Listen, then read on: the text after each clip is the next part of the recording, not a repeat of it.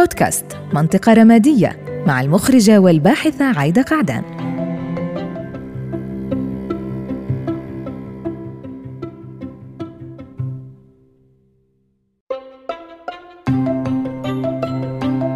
مرحبا بالجميع. واهلا وسهلا فيكم في عدد جديد من بودكاست منطقة رمادية اللي بيطل عليكم خلال عدد فارقة معي وهو عدد سبتمبر. العودة إلى المدارس. بعد عطلة استمرت ما يقارب الشهرين والثلاثة حتى الأطفال رح يرجعوا للمدارس. إن كانوا أطفال لأول مرة بدخلوا المدرسة أو يافعين رح ينتقلوا مرحلة جديدة تعليمية. دايما لهاي السنين ودايما لهاي الفترات في خصوصية في حياتنا. إحنا بنكون متحمسين لصداقات جديدة رح تطلع أو إما صداقات رح نرجع نلتقي فيها من جديد بعد غياب شهرين وثلاثة من سفر ومن صيف ومن رحلات ومن آه، نضوج اللي الإنسان بيلتقي فيه خلال العطلة الصيفية. اليوم في بودكاست منطقة رمادية رح نحكي عن المدرسة ورح نحكي كمان عن التربية والتعليم التعلم والتعليم. ليه في مدرسة؟ وشو هي المدرسة؟ وليه الأطفال بحاجة إنهم يكونوا في هاي المدارس وبهاي الطريقة من التعليم؟ وشو في مدارس جديدة وفي مدارس غير متبعة للتعلم والتعليم اللي هي موجودة في الحضارة الإنسانية؟ المدرسة هي شيء جدا أساسي في تطوير الحضارة الإنسانية. كانت موجودة منذ القدم واحدة من الأمثلة للمدرسة القديمة كانت المدارس في اليونان اللي منها طلع أفلاطون وسقراط وإلى ما ذلك. كانت تقتصر على الطبقة النبيلة والثرية وطبعا هناك بعدين صار في عنا تطور شوي شوي ودخلوا النساء على المدارس. وبعدين كان في عنا فترات اللي فيها المدارس ارتبطت في المؤسسات الدينية مثل الكتاب والكنائس وفي عنا أديرة اللي كانت تدرس وإلى ما ذلك. واليوم مع تقدم السنين وتوسع مفهوم الفردانية ظهرت آراء متنوعة ومختلفة كتير حول أنواع التعليم. وبلشنا نشوف مدارس مختلفة في توجهاتها لكل موضوع التعلم والتعليم. في آخر 25 سنة شفنا مع الازدياد المتواصل للإنترنت والسوشيال ميديا بحياتنا أنه تواجد التكنولوجيا أصبح شيء أساسي من تجارب تعلمنا. وآخر ما سمعنا عنه كان ظهور أخبار كتير آه، هيك متواصلة عن توظيف الذكاء الاصطناعي للتعلم والتعليم في المدارس وجهاز التربية والتعليم. اليوم في بودكاست منطقة رمادية. قررنا نسأل شو يعني تعلم وتعليم؟ وشو الفرق بين التعلم في المدرسة وبين التعلم خارج المدرسة؟ وشو هي التداعيات ومعاني التكنولوجيا من أدوات رقمية وتفاعلات معها اللي بتأثر على التربية والتعليم؟ وأخيرا رح نسأل شو الهدف من التعلم والتعليم وشو دوره في عالم متنوع آه، ومتعدد الثقافات. حول هذا الموضوع بتنضم لي الباحثة في موضوع العلوم والتعلم دكتور أريج مواسي باحثة وكاتبة فلسطينية تخصصت في مجال علوم التعلم التكنولوجيا والمجتمع الأخلاق السياسية في العلوم والتكنولوجيا برضو في الميديا الرقمية والتربية والآن هي محاضرة في معهد العلوم التطبيقية تخنيون في حيفا. أريج درست في جامعة ولاية أريزونا في الولايات المتحدة وأتمت مرحلة ال postdoctorate في جامعة كولورادو بولدر. وهناك أجرت دراسة حول التصميم التشاركي كبيئة تعلم لتصميم منهاج حول التكنولوجيا النقدية اللي بتراعي وهذا التصميم براعي الجوانب الاجتماعية والسياسية للذكاء الاصطناعي مثل العنصرية الأخلاقيات والتنوع الثقافي. أهلا وسهلا فيك دكتور أريج. أهلا عايدة. دكتور إريج أنا كتير كتير مبسوطة إنك موجودة معي اليوم. رح نحكي في موضوع اللي كل ما نقترب للعودة للمدارس دائما يطرح هذا السؤال إنه قديش التطورات الرقمية لازم تكون في أروقة المدارس؟ قديش في إلها آه، إيجابيات مقابل سلبيات مخاطر تداعيات وإلى ذلك؟ يعني نبرة تشاؤم. اليوم رح نحاول نحسم الموضوع في البودكاست. يعني بوعدش إنه نحسم موضوع هالقد صار له سنين مش محسوم إنه رح نيجي نحسمه اليوم بس بفكر إنه اليوم رح نطرح أسئلة اللي هي كمان تفوق موضوع الهيمنة هيمنة التكنولوجيا أو وجود التكنولوجيا في أروقة المدارس. نبلش من الأول. التربية والتعليم أو التعلم والتعليم. من وين أجت هاي الحاجة الإنسانية إنه الإنسان يتعلم؟ يعني شو الهدف الأساسي؟ بننسى صار لنا سنين طويلة بنروح على مدارس. عن جد عن جد سنين كثير طويلة بالشكل الاعتيادي للمدرسة. ويمكن راح عن بالنا وخلص تعودنا فنسينا الهدف تبع التعلم والتعليم. ليه الحاجة إنه إحنا نتعلم؟ بقدر أحكي إنه التعلم هو حاجة إنسانية بكل مناحي الحياة. إحنا ما بنتعلم بس في المدرسة إحنا بنتعلم يعني إذا بنفكر في الطفل ناخذ طفل الطفل بتعلم طول الوقت من لحظة ولادته وبمر في مراحل تطور مختلفة اللي جزء منها هو عمليا تعلمه وتفاعله مع محيطه ومع الآخرين. فالتعلم هو جزء لا يتجزأ من حياة الإنسان وغير محصور طبعا لا في المدرسة ولا في المؤسسات التعليمية. آه، بمعنى الإنسان تعلم زي ما ذكرت يعني تعلم مع محيطه مع أهله مع الناس اللي حواليه مع الأدوات اللي موجودة حواليه. والأدوات هاي مش بس أدوات محسوسة بس كمان أدوات مثل اللغة مثل المشاعر مثل الرموز اللي موجودة حواليه. فكل هاي الأشياء مش محصورة بس في إطار مدرسة اللي الواحد يروح عليه.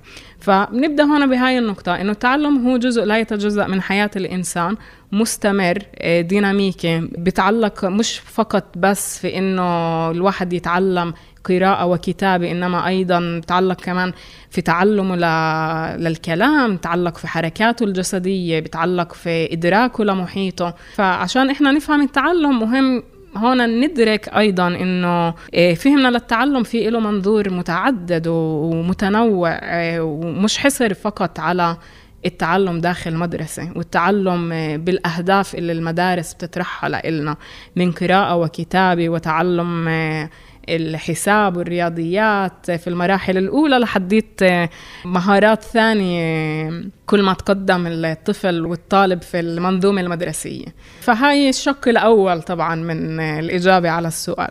ليش بنروح على المدرسة؟ إيه، سؤال حلو، ليش بنروح على المدرسة؟ وهل فعلا من وين أجت فكرة إنه نروح على المدرسة كمنظومة؟ هون مهم نرجع كمان لتاريخ نشأة المدارس في العصر الحديث كمان. زي ما ذكرت في البداية فكرة إنه الناس تروح على محل وإطار تدرس فيه هي مش إشي جديد، يعني في الناس كانت تروح آه، على مساحات للتعلم. زي ذكرتي كمان فكرة الكنائس والكتاب آه، أو حتى في اليونان القديم إنه في كان هاي المساحات. بس ليش صار في حاجة لتأطير المدرسة ضمن مؤسسة؟ إيه، ما بننسى إنه فكرة إنه الناس صارت بعد الثورة الصناعية بدها تروح على الشغل صار في منظومة معينة. وين تحطي اولادها آه فكمان هذا إشي مربوط في هاي الفكرة. حتى نشأة المدارس عندنا تاريخيا بفلسطين هي كمان نشأتها كان في مركزية معينة. وين كان في مدارس؟ يعني ما كان أغلب طرق التعلم في مدرسة أو في إطار اللي هو تعلم كان في الكتاب أو عن طريق أو في الكنس أو الكنائس. نشأتها في هيئتها الحالية تأثر جدا في الإرساليات المسيحية الأوروبية للمنطقة. فكمان هون مهم نتساءل إحنا أي أنواع مدارس عم تنشأ أو نشأت مثلا آخر 200 سنة في المنطقة العربية في بلاد الشام مثلا. فهنا إحنا نفهم إنه المدرسة كفكرتها الحالية اللي إحنا بنشوفها المدرسة كمؤسسة هي إشي انبنى الإنسان بناه والإنسان حط له قوانينه.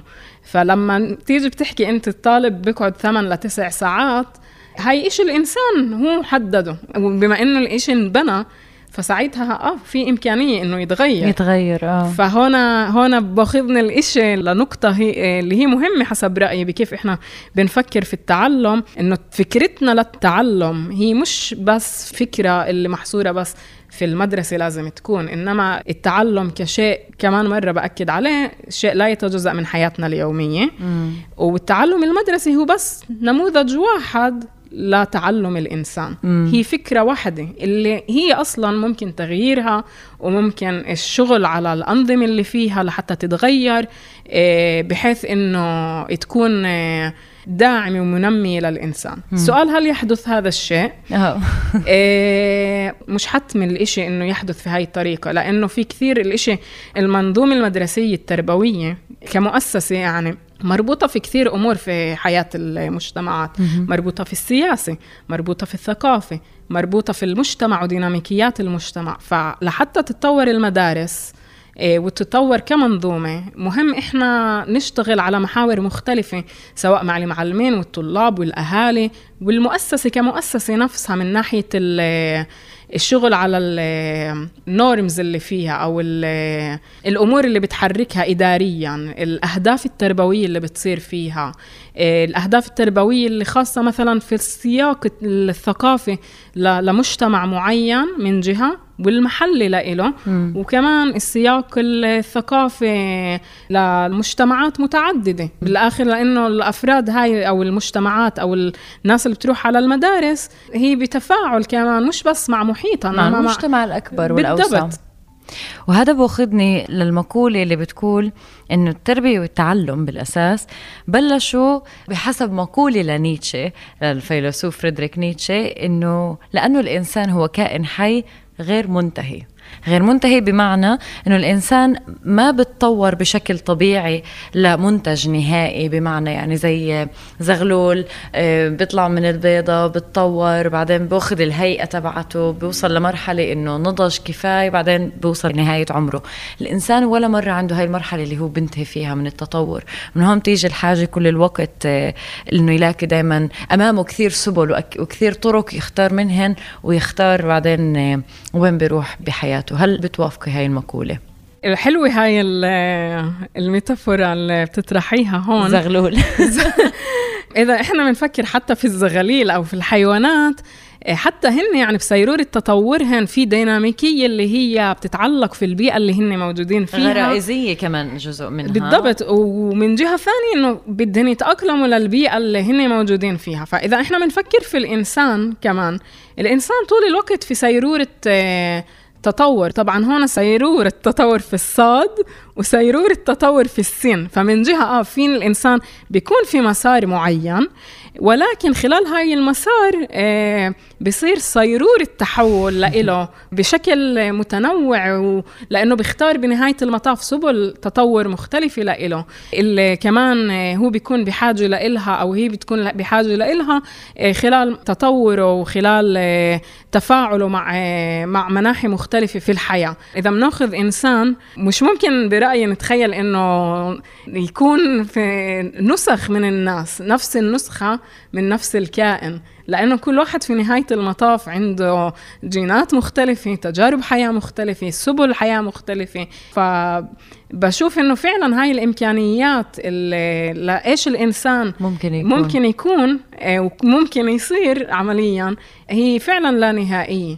وهذا بتطلب من الإنسان إنه يضل يتعلم كل الوقت عشان يكتشف هاي السبل وهاي الطرق اللانهائية اللي عنده إياها. إنسان بوقف يتعلم بعد عمر معين يسمى في المجتمع إنسان منغلق وإنسان اللي بيضل يتعلم كل الوقت بيكتشف قديش هو بيعرفش يعني قديش ما هي كليشيه الجملة بس كل ما تعلمت أكتر كل ما اكتشفت إنه قديش أنت بتعرفش أكتر.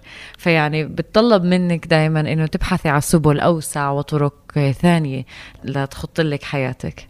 بدي بس أضيف على هاي النقطة إنه حتى الإنسان اللي ممكن نفكر إنه مش مختار طريقة للتعلم في إشي بصير معاه يعني أو معها. يعني في إشي اللي ممكن يحرك تجربته.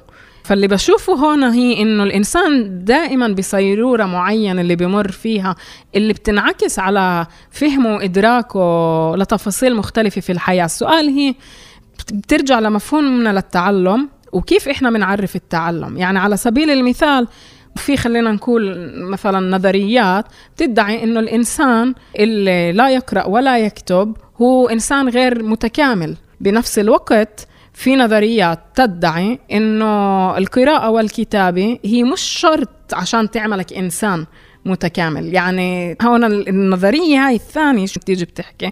أنت علشان تكون إنسان متكامل في مفهومك للقراءة والكتابة هو متعدد. ممكن ما أعرفش أنا الابجديه كألف بات تا ثا بس ممكن يكون عندي أداة ثانية اللي تخليني أقرأ العالم وأشوفه. فساعتها هنا كمان مرة بنرجع خلينا نقول هنا من ناحية تفكير فلسفي في ماهية القراءة والكتابة الجهتين اللي هون طرحتهن بيطرحوا فكرة إنه مفهومنا للقراءة والكتابة مفهومنا للتعلم هو متعدد ومتنوع.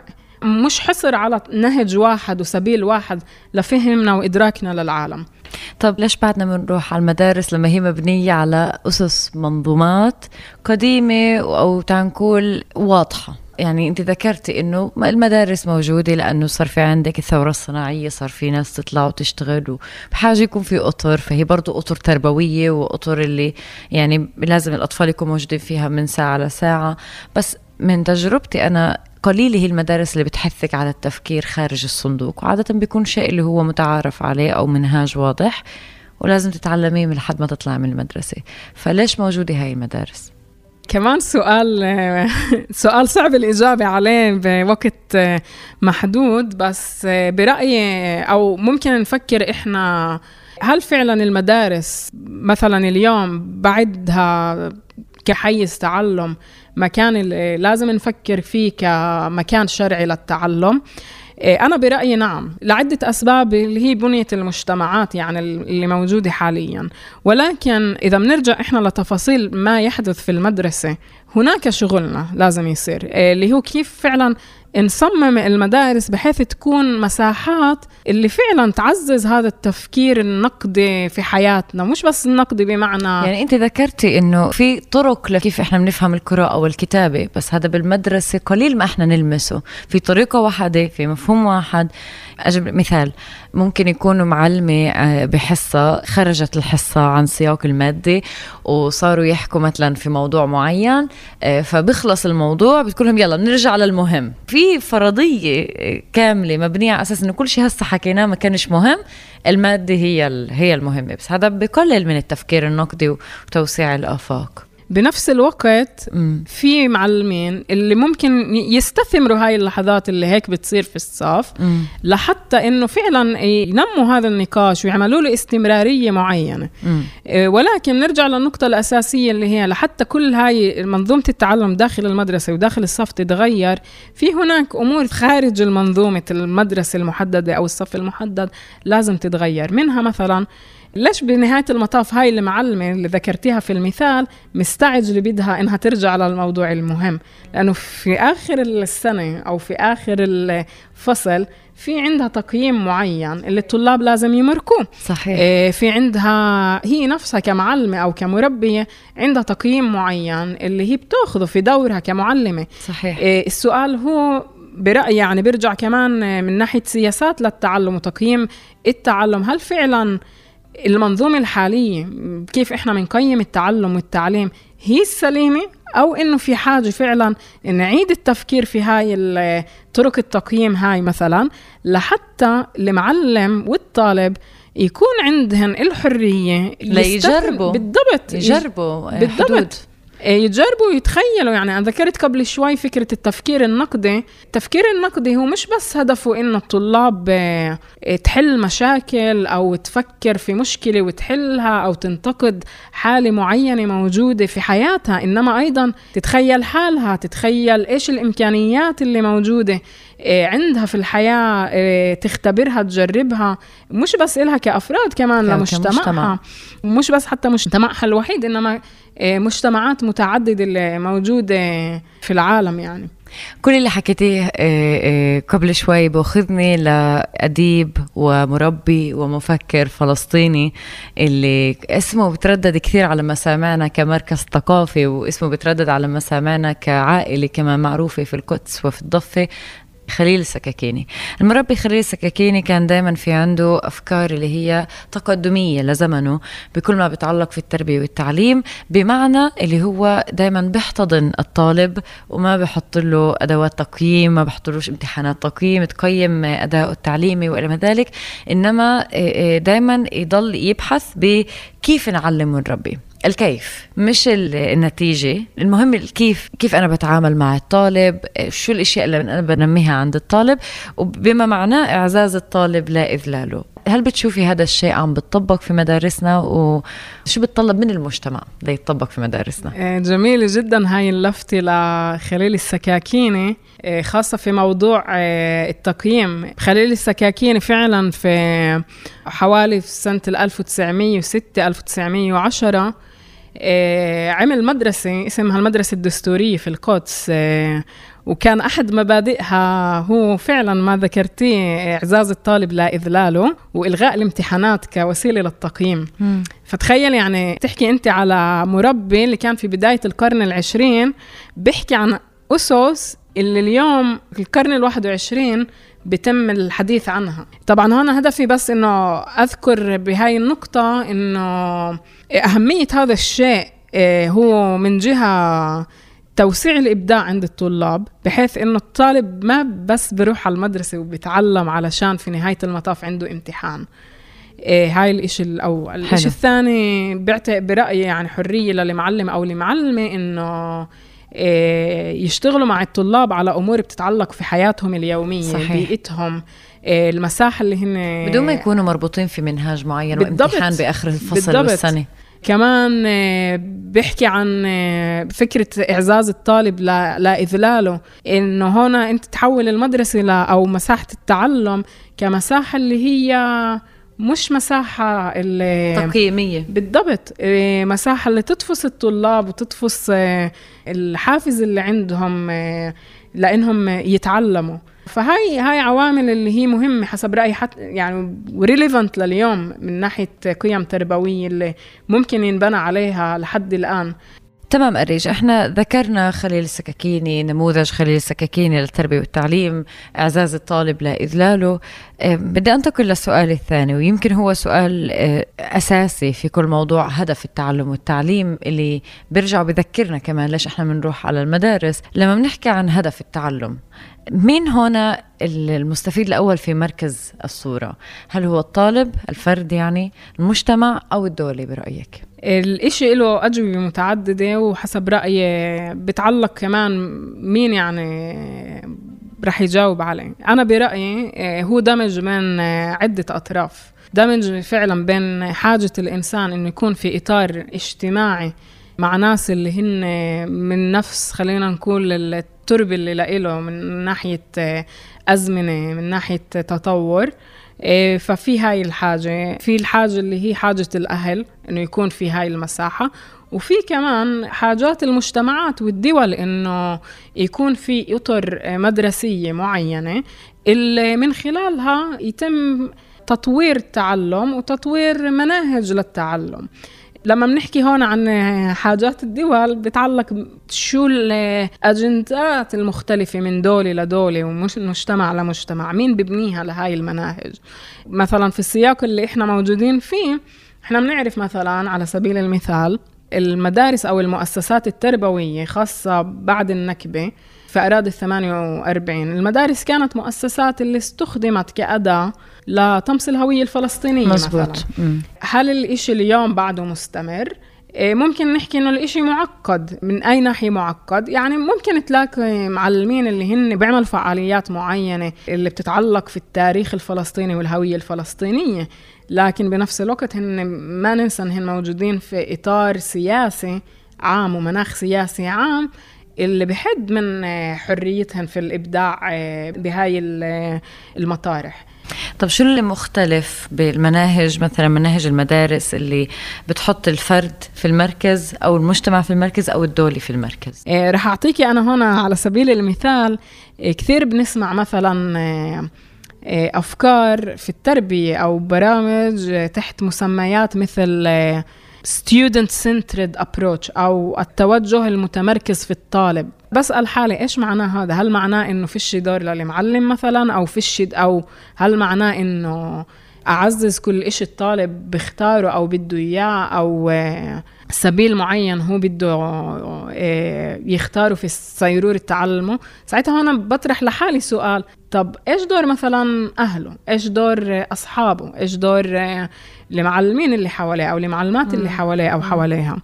فهون ساعتها بتعرفي بصير أفكر طب هل بنفع نصمم توجه ثاني اللي هو مش student centered approach مثلا ممكن intergenerational approach أو اللي هو التعلم عبر الأجيال مساحة تعلم فيها الطفل أو الطالب أو الطالبة إيه، عم بتفاعلوا في حياتهم إيه، بشكل اللي هو إيه، جميل مع المعلمة مع أهليهن مع محيطهن.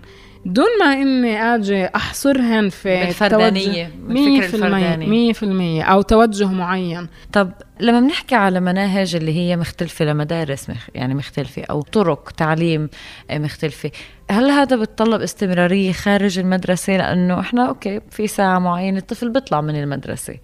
كيف بقدر أحافظ على الطفل إنه ما يصيرش في عنده لخبطة dissonance تضارب بين إنه شو بتعلم بالمدرسة والواقع الخارجي. سؤال رائع آه وكمان مرة جوابي عليه إنه فيش صعب نحسب هيدا اليوم. حكيتي أنت بالأول إنه مش رح نحسب إحنا بهذا البودكاست تأملات هو اسمه تأملات في التعلم والتعليم. آه حلو. هاي نتأمل.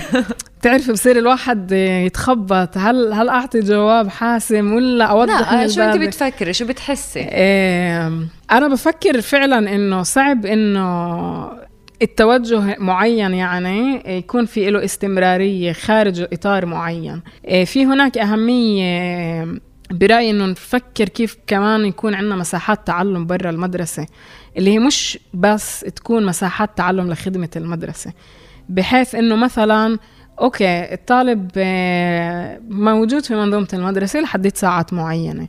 طب بعد المدرسة هل لازم فعاليات حياته تكون محورها فعاليات لها علاقة في المدرسة ولا فعاليات أو آه، تجارب حياة من لعب ومن تواجد مع عائلته أو حتى من تواجد بحيز بحيز مثلا المدينة اللي هو فيها أو صح. القرية اللي هو فيها أو حتى تفاعله مع التكنولوجيا اللي موجودة حواليه هل هذا شيء جديد؟ لأنه إحنا وإحنا صغار يعني أنا وياك نفس العمر ونفس الجيل كنا نروح من المدرسة نلعب بالحارة تاني يوم نروح على المدرسة كان قليل اللي كانت الفعاليات اللي بتكون بداخل أطر المدرسة. كانت يوم بالأسبوع ممكن اللي هي يوم عطلة عادة فانت بدل ما تعطلي بتروحي على المدرسة بهذا اليوم. بس دورات تضلك بعد المدرسة. في المدرسة هذا ما كانش على وقتنا. من وين أجت هاي الشغلة؟ إنه حتى الفعاليات اللامنهجيه بتكون في إطار المدرسة. فكرة أهمية التعلم خارج المدرسة أو خارج الأطر المنهاج هي شيء يعني مثبت يعني إنه بيساعد في تطور الطلاب والطالبات آه، والأطفال م.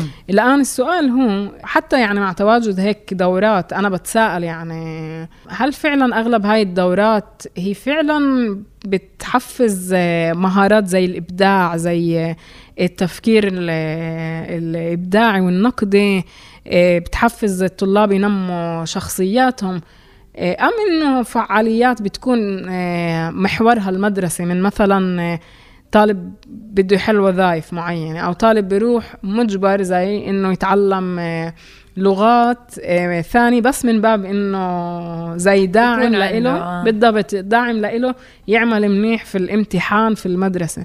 فهون بتساءل يعني إيش نوعية حتى المساحات هاي اللي بنعملها. بس أعطي كمان مثال هون في محلات اللي لما إحنا نمشي فيها بنلاقي فرص تعلم مختلفة.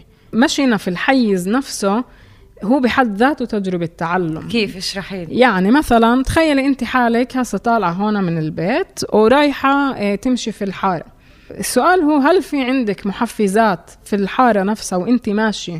تعليمات خلينا نقول بين أقواس. تساعدك تقرأي مثلا تاريخ الحارة مثلا على سبيل المثال. ممكن ممكن مشيتي حارتنا حاليا هون. مثلا آه. تخيلي مشيتي في في أشياء معينة زي إيش مثلا؟ انتباهي؟ مبنى قديم آه. أو شكل بناء اللي بتحبي تعرفي عنه؟ آه. في موجود حدا طريقة معينة حدا يشرح لك عنه؟ لا لحظتها حاليا غير الهاتف؟ لا. طيب تخيلي مثلا إنه الإشي في استمرارية معينة من ناحية تصميم بحكي في الحيز العام إنه يتم مراعاة هاي الأشياء. مثل إيه، مثلا كتب لافتات مثلا وفي آه. هيك مدن طبعا بتعمل. هاي الإشي. في مدن بتحفزك دائما تقرأي. آه. جنب مثلا هذا التمثال تقرأي التاريخ. بالضبط. آه، حيفا كل مترين عندك مثلا تأسس في هذا العام. شو حصل في هذا العام؟ وهي بس مثال بسيط يعني. مثال على طريقة تفاعلنا مع الحيز. حلو. فساعتها أنت يعني تعلم خارج المدرسة ببطل بس إنه أروح على كمان صف وكمان غرفة. فالسؤال هو حلو. كمان مرة يعني وين نتعلم كمان هو شيء اللي هو مهم؟ يعني إيه. هل فعلا الطلاب أو الأطفال لما يروحوا على البيت عندهم وقت مثلا يطلعوا على الطبيعة؟ عندهم وقت آه، إيش يعملوا يعني؟ إيش الوقت هاي بيتم استثماره في إيش؟ ممكن يكون حتى هون دعوة للمعلمين والمعلمات والأهل إنه تعليمهم مش بس إنه الطالب يخلص في المدرسة آه. بالضبط. وحتى المهام اللي في المدرسة ممكن يكون إذا الطالب أوكي أعطي الطلاب مهام للبيت. بس خليها مهام اللي تخليه يستمتع. هاي وقت مهم لإله اجتماعيا مع أهله مع محيطه. الأطفال بدهم كمان يلعبوا في حرام. آه في كثير حالات اللي فيها الطفل بضل في المدرسة للساعة أربعة بعدين برجع بتغدى بعدين بحل وظايف بتصير الساعة سبعة عتمة بقعد شوي مع العائلة على 8 9 لازم يكون نايم للمدرسة تاني يوم. فيش نمط حياة فيش تجارب لمها بهذا اليوم فيش يحكي بكرة الصبح لأصحابه غير إذا قاعد على الهاتف وشاف إشياء أونلاين بتذكر إحنا أيامنا وإحنا صغار كنا في عنا خلص واضح بتحل وظيفك لحد ساعة معينة بتنزل تلعب بالحارة لحد ما تعتم ترجع تتعشى تنام.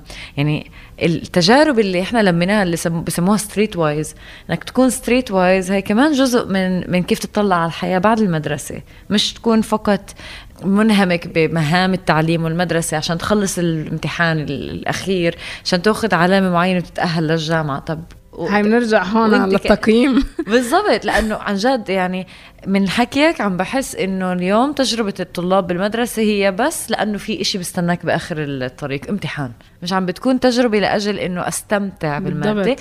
حتى بحس إنه عارف صححيني إذا غلط بتعرفي الدماغ بيخزن كثير معلومات بس في معلومات بعرف إنه هاي مش رح تفيدني بعدين فبضل مخزنها وقت الحاجة وبس تخلص حاجتها بمحاها. وعندي إحساس إذا الطلاب بيحفظوا لأجل امتحان بس باللحظه اللي بيخلص فيها الامتحان بيطلعوا من الصف ناسين كل شيء. إيه هو واحدة من الأسباب لهذا الشيء إيه هي إنه الحفظ حفظ الأشياء طبعا هون نفوت في الذاكرة وإلى آخره بس إيه حفظ الأشياء هو مش تعلم.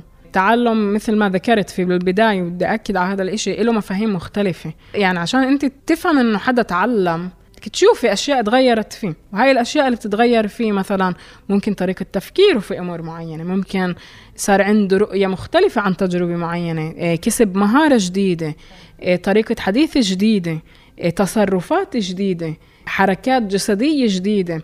فإنه نحكي إنه حدا تعلم هي مش بس مسألة ذاكرة. في الإنسان لما يتعلم بيبني على أفكار بيبني بيبنى معلومات مختلفة بيربطها في بعض بتعلم يناقش بتعلم يحكي بتعلم آه، آه، يتفاعل مع العالم بتعلم آه، يتفاعل حتى مع أفكاره ويراجعها ويناقض حاله. وكمان بتعلم حتى كيف يشوف حاله بمساحات مختلفة. وكيف حتى يراجع زي ما ذكرت يراجع الأشياء اللي عاملها كمان حتى يمشي لقدام ويفكر بكيف يبني حاله ويتخيل أشياء حلو. جديدة سؤال إذا إحنا بدنا نفكر في التعلم بمفاهيم متعددة اللي هي مفاهيم غير محصورة فقط في إنه أعمل امتحان إيه، أخلصه وأنتقل لمرحلة جديدة ساعتها أنت بتغير مفهوم كل الطلاب والطالبات عن إيش معناه أتعلم؟ يعني مثلا أنا بحزني لما أسأل طالب أو طالبة إيش تعلمت اليوم؟ ويبدأ يعدد لي مثلا آه، مفاهيم تعلمها زي كأنه حافظ بصم. يعني واحدة من الطرق مثلا المعلم أو المعلمة ممكن يفعلوا الطلاب فيها إنه يوسعوا لهم هذا المفهوم للتعلم. يحكوا لهم إنه لا مش بس إنه المفاهيم. إيش مثلا تعلمنا خلال النقاش؟ إيش مثلا تعلمنا وانت تعمل الفعالية المعينة. فساعتها شوي شوي الطلاب بيبدوا يفتحوا أفكارهم آه، على مفهوم التعلم كشيء اللي بصير في كل مناحي حياتهم. مش بس إشي اللي مرهون في كتاب أو مرهون في معلم أو, أو معلمة أو مرهون في تواجدهن في مدرسة أو صف. صحيح. وهذا كمان بيعطي الطلاب شعور إنه مشاعرهم أفكارهم آرائهم مهمة. بالضبط. ووضعها على الطاولة هو لا يقل أهمية عن المنهاج اللي قدامهم من ناحية مادة. يعني المعلم اللي أنا ذكرتها اللي بتحكي أو يلا هسا نرجع للمهم للمادة. بفكر لو تستثمر أكثر وقت في النقاش وتحسس الطالب إنه هاي المادة رح نلحقها بنهاية المطاف بدنا ولا بدناش مهم أنت شو بتفكر مهم أنت شو بتفكري. آه بغير كثير أصلا بكيف طاقة الطالب تاني يوم رح تيجي على المدرسة. يعني تعامله مع المادة رح يكون أكثر آه تعامل اللي هو تحليلي فكري يعني وأقل تلقين وحفظ وساعتها بنساهن يعني بضلش من تجربة بنساهن تماما. آه، دكتور أريج أنت آه، بتركز عملك آه، الأكاديمي حول دراسة وتصميم بيئات تعلم تكنولوجية. اللي بتعزز آه، تعلم تفاعلي آه، بالصف وخارج الصف. وهذا كلياته له علاقة في الرقميات يعني في الإعلام الرقمي أو الحوسبة وإلى ما ذلك. من وين تدخلت التكنولوجيا على إطار التعلم والتعليم؟ هل هو شيء جديد ولا لا؟ شو بتفكري بهذا الموضوع أول إشي بس بدي أحكي أنا إنه أنا بحب التكنولوجيا. بعتبر التكنولوجيا فعلا من الأدوات اللي ساهمت كثير في إنها تفتح فرص للناس آه، تتعلم وتتعرف على أدوات جديدة لغات آه، آه، معرفة علاقات غير محصورة بمكان جغرافي معين. تفتح لهم آفاق يبدعوا وينتجوا معرفة. بنفس الوقت عندي أكيد قلق بكيف إحنا ممكن نستهلك التكنولوجيا وكيف ممكن حتى إنه نتعامل معها في السياق التربوي التعليمي على إنها هي الخلاص.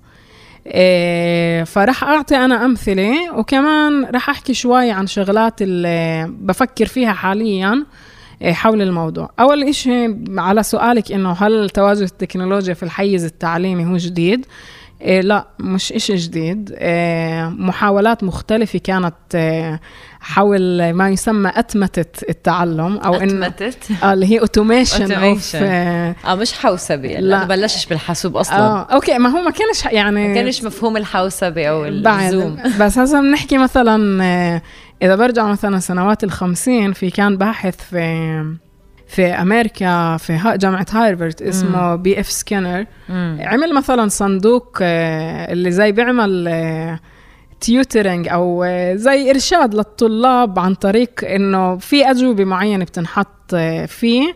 وإذا الطالب بحط الطالب جوابه وبشي مرحلة بيظهر الجواب. فزي كنوع هو زي quiz أيوه لا بالضبط بس إنه إشي محسوس يعني صندوق يعني مش مش إشي متقدم ومركب. بس طبعا إذا إحنا بنفكر في في هذا الإشي بي إف سكينر كان كان هو حدا behaviorist أو يطلع على التصرف إنه إذا بيجي بيعطي زي حافز للطالب وبغيره أو إنه عن طريق التعلم عن طريق إنه صح غلط فممكن إنه الطالب يتعلم. بس الإشي زي ما ذكرت وذكرنا في نقاشنا تعلم الإنسان كثير معقد ومركب مش صح وغلط. ومربوط في مربوط في منظومات. منظومات reward system بالدماغ سيالات عصبية معينة هرمونات تفرز هون غير إنه مربوط في في الحياة في في الحياة بمعنى إنه مربوط في في منظومات حياتية زي الأهل زي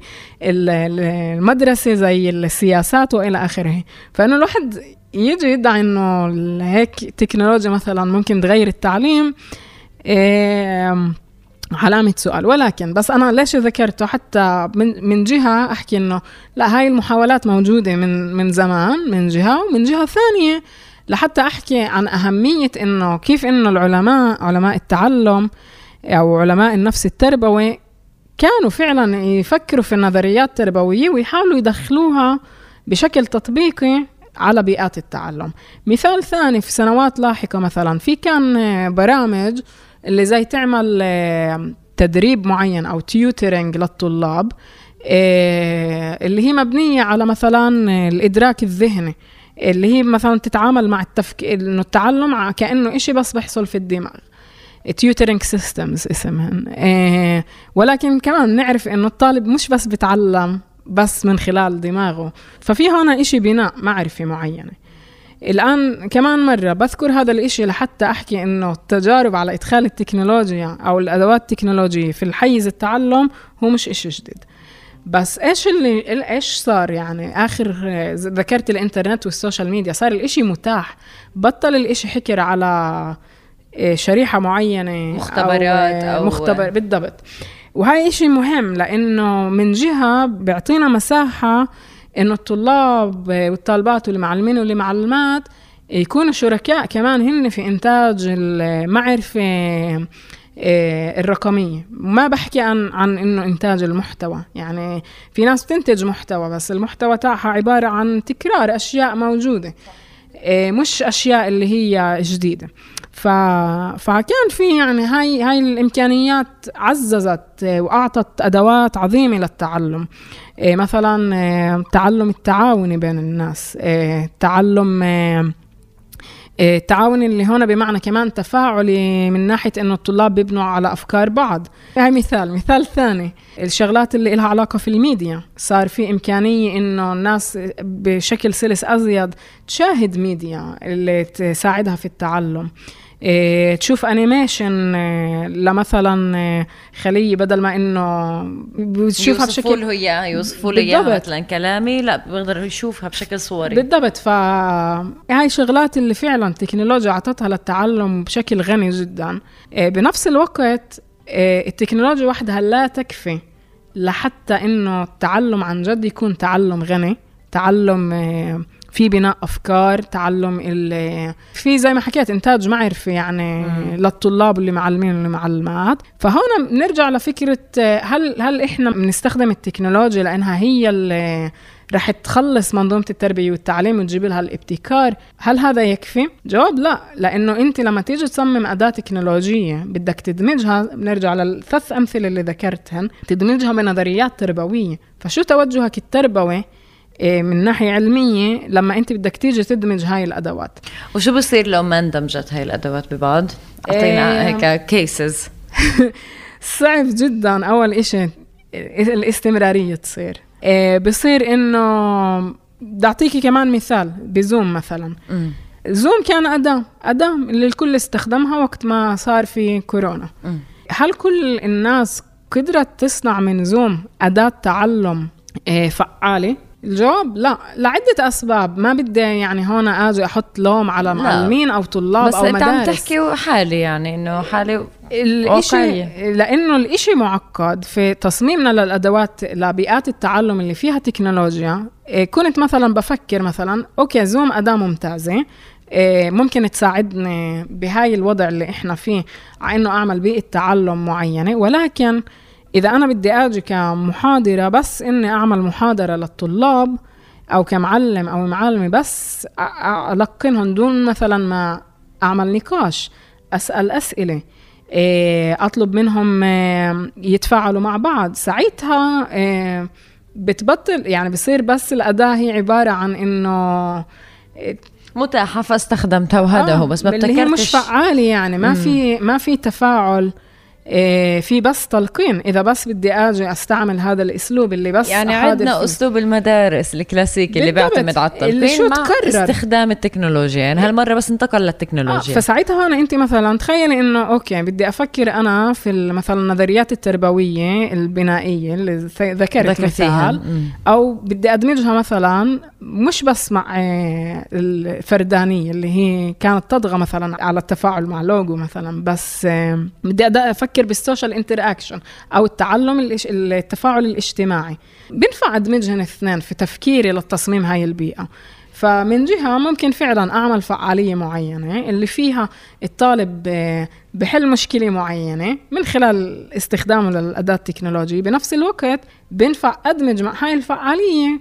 فعالية ثانية يتناقشوا الطلاب في الأدوات اللي هن عملوها هاي مثلا مجرد فكرة بس هون يعني بدي أحكي حدا يجي يحكي إنه okay معي product أو منتج تكنولوجي رح يغير لك المدرسة لا أو يغير لك تعليمك للإنجليزي أو تعليمك لل للرياضيات مش كافي. هاي إشي مش كافي مش لأنه كافي. الإنسان نرجع هو مش بس فرد هو بيتعلم ضمن مجموعة. صحيح. إيه كمان في عنده أهداف متنوعة ومتعددة. ومركب أكثر كيف بيستقبل المعلومة وكيف بيتعلم. بالضبط. وكمان التعلم هو شيء متعدد ومتنوع. ممكن لفعالية معينة ومحددة فعلا أداة معينة تكون مفيدة مم. إيه، ولكن التعلم هو شيء أعمق وأوسع ومركب أكثر طلع إنه مدارس كثيرة اللي فيها آه، سبورة إلكترونية وفيها tablets وفيها كلياتهم منتقل على ال Moodle و... والتعامل مع الطلاب بيتم عبر الإنترنت و... ومش بحاجة كتب وكل شيء صار هذا تقني وأوتوماتيك و... يعني زي كيف أنت ذكرتيها شو المصطلح؟ أتمت أتمت كل شيء مؤتمت. آه، مش بالضرورة نتائج التعليم فيها أو تعال نحكي الطالب فيها بيستقبل التعليم أحسن من طالب بعده بيتعلم عن كتاب. مش هاي القياس لل... لل... لجودة التعليم. إيه أنا برأيي يعني مش هاي هو القياس فعلا مم. لجودة التعليم هاي واحد. ثانيا التكنولوجيا ما عندها القدرة تعمل كل هاي الأشياء. يعني إذا حدا بيجي بحل تكنولوجي كامل ومتكامل أنا شخصيا كحد اللي صمم آه، أدوات تكنولوجيه من ناحية من ناحية بيداغوجيا خلينا نقول. ببتسم وبحكي إنه okay أعطيني الحل. لأنه كثير صعب أنت لما تيجي فكري أنت فيها بشغلة هيك. أنت بتيجي على صف معك أداة تكنولوجية معينة. طب كل صف مش بس مدرسة كل صف الديناميكية اللي فيه تختلف عن الصف الثاني. إيه، تفاعل المعلم مع الطلاب يختلف عن ال ال فكيف بدها تتأقلم هاي التكنولوجيا اللي هي مصبوبة صبة وحدة؟ بالضبط. فهون كمان هاي بيرجع لنا للأسئلة النقدية حول التكنولوجيا اللي بنسألها. كيف تصممت؟ لمين تصممت؟ بأي إيه مجتمعات تصممت بأي... ال trials اللي موريس يعني اللي انعملت على أساسها على أي مجتمعات على أي أعمار شو السياقات إيش نوعية البيانات حتى مزبوط. اللي بتاخذها من الطلاب لحتى يتم دراسة تعلمهم مثلا. أنا ما بحكي هون على عدم إدخال التكنولوجيا للتعلم في فرق. أنا بحكي عن إدراكنا لأنه التكنولوجيا إلها استخدامات معينة ومحددة في السياق التربوي التعليمي سواء في الصف أو خارجه. على سبيل المثال بدي أحكي هون عن خارجه حكيت أنا لأني عن سياق الصف إنه مثلا بس كمان بدي أرجع هون للمثال الصغير تخيلوا بدنا نصمم مثلا أداة تكنولوجية تساعد الطلاب آه، يتعلموا مثلا كيف يناقشوا موضوع آه، سياسي مثلا. طيب بدي مثلا هون أفكر في المضامين. هاي هاي نوعية تصميم بدي أفكر في التفاعل التكنولوجي مع الطلاب. إيش إيش التكنولوجيا رح تحكي لهم؟ إيش هن رح يحكوا للتكنولوجيا؟ كيف هاي التفاعل رح يصير؟ بلكي مثلا طالب أو طالبة حكى رأي مختلف عن رأي التكنولوجيا. فمين بيحدد هاي الايديولوجيات اللي موجودة في المضامين فيها؟ مش بس في المضامين كمان في طريقة تصميم الأداة نفسها. طيب في هاي الجانب. طب في جانب ثالث. كيف المعلم بده يدير الصف في هيك حالة؟ فبدي أصمم كمان التفاعل حول تفاعل المعلم مع المعلم بالضبط. فلذلك يعني أوكي من جهة مهم هاي التطورات تصير لأنه في كمان أبحاث بتشير إنه التكنولوجيا بتساعد في تعلم أمور مختلفة. إيه، وبتعمل حتى تفاعل اللي هو جميل بحالات مختلفة لتشجيع الطلاب على التعلم. بنفس الوقت اللي أنا بفكر فيه إنه كيف إحنا نستخدم الأدوات التكنولوجية بشكل اللي لمعلمين ولمعلمات. الطلاب والطالبات يكونوا جزء لا يتجزأ من هاي التصميمات اللي إحنا بنصممها. الآن في العودة للخارج خارج المدرسة في إمكانيات رهيبة للتكنولوجيا ل... ل... لتساعد تعلم الطلاب والطالبات واليافعين واليافعات تعلمنا عبر الأجيال المختلفة يعني. من ناحية تواجد الموارد تعلم متنوعة من ناحية إمكانياتنا إنه نعمل مجتمعات للتعلم خارج الإطار المدرسي من ناحية حتى الجماليات اللي بتصير من ناحية يعني الإبداع القصد هون الإبداع البصري مثلا اللي بتتيح التكنولوجيا لنا علشان نتعلم أشياء جديدة. ففي إمكانيات رائعة جدا يعني اللي ممكن استثمارها للتعلم. إحنا حكينا عن كل موضوع التكنولوجيا وإنه التكنولوجيا ما بتتم لوحدها بحاجة يكون في هناك آه تنسيق ما بين المعلم والتكنولوجيا الطالب والتكنولوجيا. دائما في قراءة نقدية لتصميم التكنولوجيا في أي سياقات في أي آه على أي طلاب تم تجميع البيانات وإلى ما ذلك. ومع هيك إحنا عم نشوف إنه التكنولوجيا شوي شوي عم تتغلغل في المدارس بحكم الجيل اللي عم بيخلق اللي حوالينا. إحنا جيلنا بعتذر من جميع مواليد الثمانينات والتس... يعني التسعينات وتحت. إحنا نسمى مهاجرين إلكترونيين يعني إحنا مهاجرين للعالم آه، الإلكتروني. بينما الجيل هذا الجيل الجديد generation Z وما يتبع هذا أصلاني. جيل أصلاني جيل انولد في عالم التكنولوجيا. هل في سيطرة عند جهاز التربية والتعليم لقديش ممكن التكنولوجيا تأخذ حيز ولا لازم بحاجة إنه يبلش يتأقلم معها؟ يعني من ناحية السيطرة ما عندي جواب حول هل فعلا الأنظمة التربوية الحالية سواء في البلاد أو برا يعني عندها سيطرة على الموضوع. لكن في إدراك لأهمية التطورات التكنولوجية اللي بتصير آه، في العالم.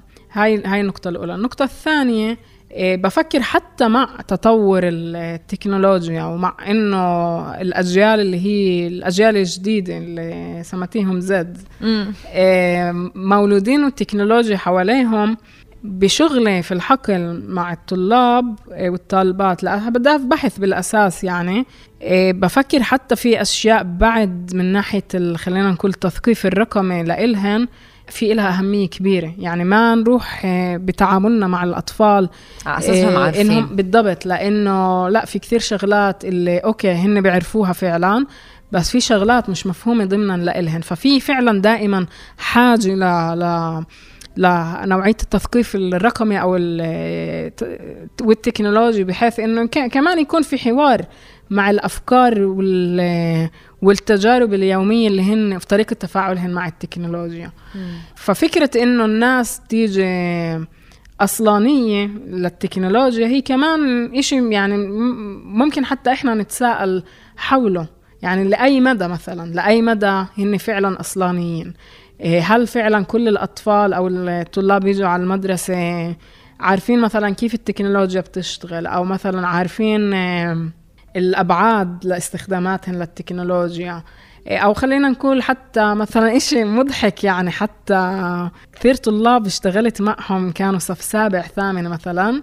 الإيميل بيعرفوش يعملوا إيميل بيعرفوش يفتحوا إيميل. يعني إشي هو يعني يمكن إحنا الكبار. إحنا ماخذينه مفهوم ضمنا إنه آه. هم أصليين للتكنولوجيا لكن هذا لا يعني إنه عندهم بيخلقوا مع كل الأدوات. بس يمكن هذا هو المقابل تبع الإنسان اللي بيخلق ما عندوش كل أدوات التعلم وبيتعلم, مع الوقت يعني. بفكر هون هو هاي المساحة اللي ممكن يتم فيها زي خلق حوار آه حول هاي هاي الأدوات حلو. مع الناس اللي هن في أجيال ثانية. حلو. ف... فمثلا يعني حتى مثلا ممكن أنا في هاي الحالة كان ممكن إني أتساءل معهم طيب أوكي بتستخدموش الايميل إيش بتستخدموا مثلا إيه بحكي عن شغله يعني تجربة يعني صادفتها قبل قبل أقل شيء أربع سنوات يعني قبل الكورونا بس هون ذكرتها كمثال لحتى أعطي عن فرق بين مثلا إحنا التصور اللي قلنا عن التكنولوجيا مثلا أو تعاملنا مع أداة معينة بالضبط. وهن تصورهن لتعاملهن مع هاي الأداة. مم. ففي اختلافات مختلفة. وبفكر كمان حتى لو إنه الطلاب تعرف يعني تستخدم أدوات معينة السؤال هو اللي بفكر فيه كمان برجع على فكرة من ناحية لأي مدى هو هل فعلا بيستخدموها بأسلوب اللي هو يحفزهن ينميهن؟ ولا بأسلوب اللي يخملهن بالضبط أو حتى بديش أكون هيك كثير تشاؤمية بس أساليب تدميرية لإلهن ولذاتهن. وطبعا هون كمان بأخذنا لمحل اللي نفكر إيش معناه إنه إنه الأطفال مثلا ممكن يكونوا كثير مرتبطين في, في هاي الأدوات. وكيف إحنا ممكن فعلا نخلق إيه تجارب تعلم لإلهن أو نصمم تجارب تعلم لإلهن اللي تخليهن كمان يحسوا في المحيط اللي لإلهن بشكل اللي هو مش بس مربوط في أداة تكنولوجية محددة.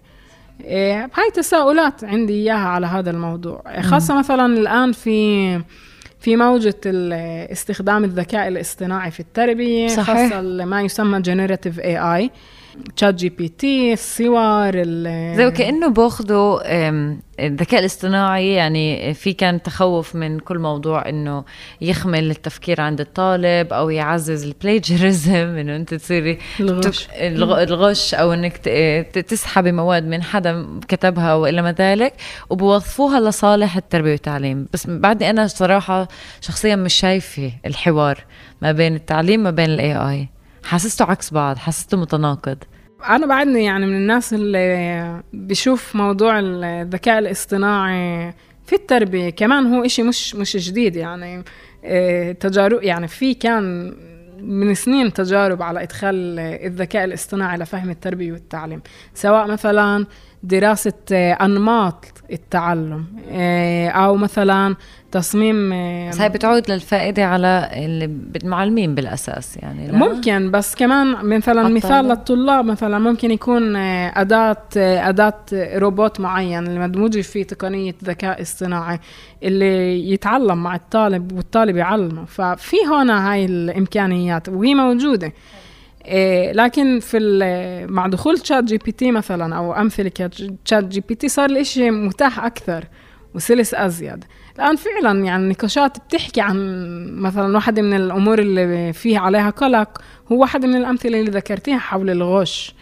السؤال هو مثلا اللي أنا بفكر فيه هل فعلا ChatGPT أذكى من الإنسان؟ إيه بفكرش يعني بتعلق بنرجع لهون أهمية نوعية الأفق التربوي أو نوعية الأفق التربوي من ناحية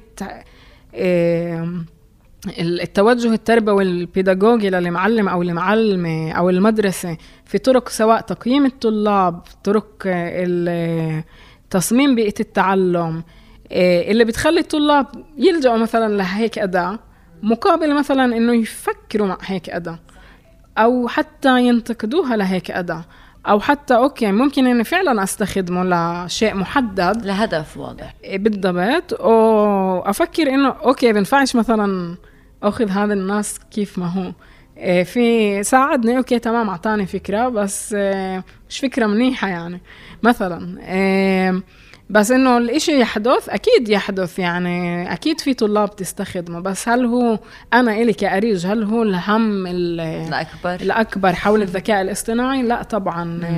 الإشي اللي أنا قلقة عليه بالنسبة لموضوع الذكاء الاصطناعي إيه، هو التحمس الزايد لاستخداماته في التربية والتعليم مقابل مثلا إنه يصير تفكير في إعادة تصميم بيئات التعلم.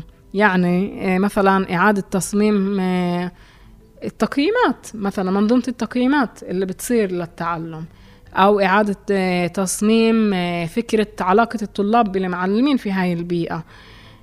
هاي بفكر أشياء يعني أكبر من إنه تكنولوجيا مثل الذكاء الاصطناعي تحلها.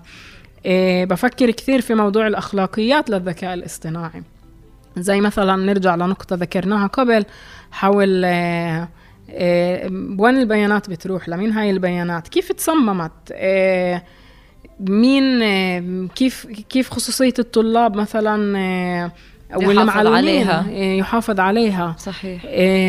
إيش يعني خصوصية؟ هل هي الخصوصية مربوطة في الأفراد ولا في كمان لها أبعاد مجتمعية معينة في تصميم هاي الأدوات لل للمدارس. شو القيم اللي تؤخذ بعين الاعتبار لما مثلا يسأل سؤال أو يطرح نقاش؟ برضو يعني إنه تختلف القيم بمختلف المجتمعات والواحد لازم يأخذ بعين الاعتبار هاي الأسئلة اللي هي اللي ما تعملش وكأنه لخبطة وبلبلة عند الطفل بحال لما بصادف تشات آه، بوت يعني أو اي اي بين لما بصادف بني آدم طبيعي بال يعني بين معلمته وبين ال عشان ما ياخذش كريدت من معلمته بعدين صفي هي اللي بتحكي غلط وال وتشات جي بي تي بيحكي إشي اللي هو يمكن آه، أقرب لإله. طيب بسؤال أخير آه، دكتور أريج بما أنه حكينا عن الهدف من التعليم المدرسة تاريخيا كيف التوجه يعني التوجهات مختلفة حول أنه كيف الطالب بتعلم الكيف إذلال الطالب إعزاز الطالب لا إذلاله خلال السكاكين وبعدين حكينا أكثر على كل مفهوم من المستفيد في نهاية المطاف الدولة الفرد أم المجتمع. وهناك انتقلنا لعالم التكنولوجيا وعمليا إدخال التكنولوجيا ودمجها في مجال التربية والتعليم. دائما في هذا السؤال اللي بنسأل ممكن لأول وهلة الواحد تافك يضحك على الموضوع ويقول لا إنه مش سؤال عادي أو ممكن الناس عن جد تاخذه بجديه وتخاف منه وتقلق منه. هو هل ممكن نشهد عالم من دون معلمات ومعلمين؟ هل هذا ممكن يكون آه، سيناريو محتمل عنا؟ هذا سؤال عن جد رائع. وكثير بنسأل آه، بإطارات تعرفي مش رسمية يعني عنه. وخاصة لما آه، في الحياة اليومية الناس تحكي لي معلم فلان مثلا عمل لي تراوما أو كذا. بتفهم الشيء بس بنفس الوقت كلياتنا عندنا معلم عملنا تراوما أو آه. معلمة. إيه، بنفس الوقت إذا إحنا عن جد نغمض عينينا ونتذكر مين الناس اللي علمونا شيء معين. مش شرط في إطار المدرسة. يعني مفهومنا المعلم أو المعلمة أو حدا علمنا شيء معين ملان مشاعر بتجينا. إذا عن جد كل واحد فينا بيغلق عينيه بتذكر حدا علمه شيء في شعور جميل بصير. طبعا آه، أكيد في شغلات آه، كمان نوسع مفهومنا للتعلم. في أشياء كمان نتعلمها اللي هي مش سهلة. ولكن اللي بدي أحكيه هون برأيي يعني في طبعا دور للمعلم والمعلمة تربويا. وهذا الدور مهم يعني من جهة ما نعمل له إحنا رومانسية. لأنه المعلم والمعلمه بنهاية المطاف إنسان. إنسان بالضبط. بصير زلات وبصير آه، تحديات وبصير صعوبات بيواجهوها. وهن جزء من منظومة اللي هي مش سهلة آه، مؤسسة المدارس آه، اللي هي مربوطة في مؤسسات أكبر. ولكن على سبيل يعني شوية أمل مهم نتذكر كل هاي الناس اللي كانت في محطات مختلفة في حياتنا اللي أعطتنا أمور اللي نمت فينا بشغلات اللي نقلتنا من محل لمحل. إيه فبفكر إنه دور المعلم مهم يكون كمان ديناميكي وهون مهم إنه كمان المعلمين والمعلمات يأخذوا هاي المسؤولية على حالهم إيه يفكروا كيف كيف أنا ممكن ضمن المحدوديات اللي هي متاحة عندي فعلا أعمل إيه أصمم بيئة تعلم لصفي لطلابي بشكل اللي هو في حوار مع الطلاب آه، والطالبات. آه، في حوار مع واقعهم في في حوار مع الأحلام اللي هن بحبوها وبفكروا فيها. كيف كيف كمعلم أو كمعلمة ما أفرض قيمي وارائي على على هاي الأحلام وعلى على هاي الطموحات اللي الطلاب والطالبات والأطفال بيجيبوها على مساحة التعلم. طبعا هون إذا بنحكي هون على محل على مساحة مثل المدرسة. مساحة برا المدرسة بفكر إنه بكل محل وبكل تجربة في في شخص إحنا ممكن نتعلم منه. إيه نتعلم منه سواء مهارات سواء أدوات إيه نتعلم منه تجارب. فالتعلم كمان مرة يعني هو شيء اللي بدي أكد عليه مثل ما بلشت في البداية. متعدد موجود داخل المدرسة برا المدرسة. ولكن في العودة لسؤالك اللي هو عن دور المعلم التقليدي التقليدي بمعنى إنه كيف إحنا بنعرفه القصد في المدرسة والمؤسسات التربوية. بفكر بعد في في محل نحكي عن عن أهمية دور المعلم والمعلمة. إيه السؤال هو أي مساحة من جهة بينعطى للمعلم إيه، والمعلمة وللطلاب؟ وكيف في بصير التعاون بيناتهم بين بين المعلمين والمعلمات والطلاب. جميل. وهون يعني ممكن أختم بإنه إيه كمان مرة بنرجع لفكرة إيه هل فعلا نمركز الطالب ولا نمركز المعلم أو شيء بين الاثنين؟ إيه بفكر في مساحة لشيء بين الاثنين اللي من جهة فعلا حدا اللي هو عنده حكمة بمرحلة عمرية إيه، إيه، مختلفة عنده أدوات مختلفة ومتنوعة. أكيد في شو يعطي لطفل موجود في بيئة التعلم. فليش مثلا ما نفكر في مساحات تعلم؟ تعزز التعلم اللي هو بين كل هاي الأجيال. هو التعلم ال intergenerational learning مثل ما ذكرت في البداية. في بداية البودكاست. فهاي مثلا إمكانية كمان حتى نفكر في في التعلم آه، مع المعلمين والمعلمات. وطبعا يعطيهن العافية. طبعا. لأنه مش مش سهل. الأبد. مش سهل الواحد يكون في مدرسة مش سهل آه، يحمل مسؤولية آه، أطفال وطلاب وطالبات. فهون كمان بنوجه لهم كلهم تحية. وكريدت طويل عريض يعني أكيد. لا متناهي.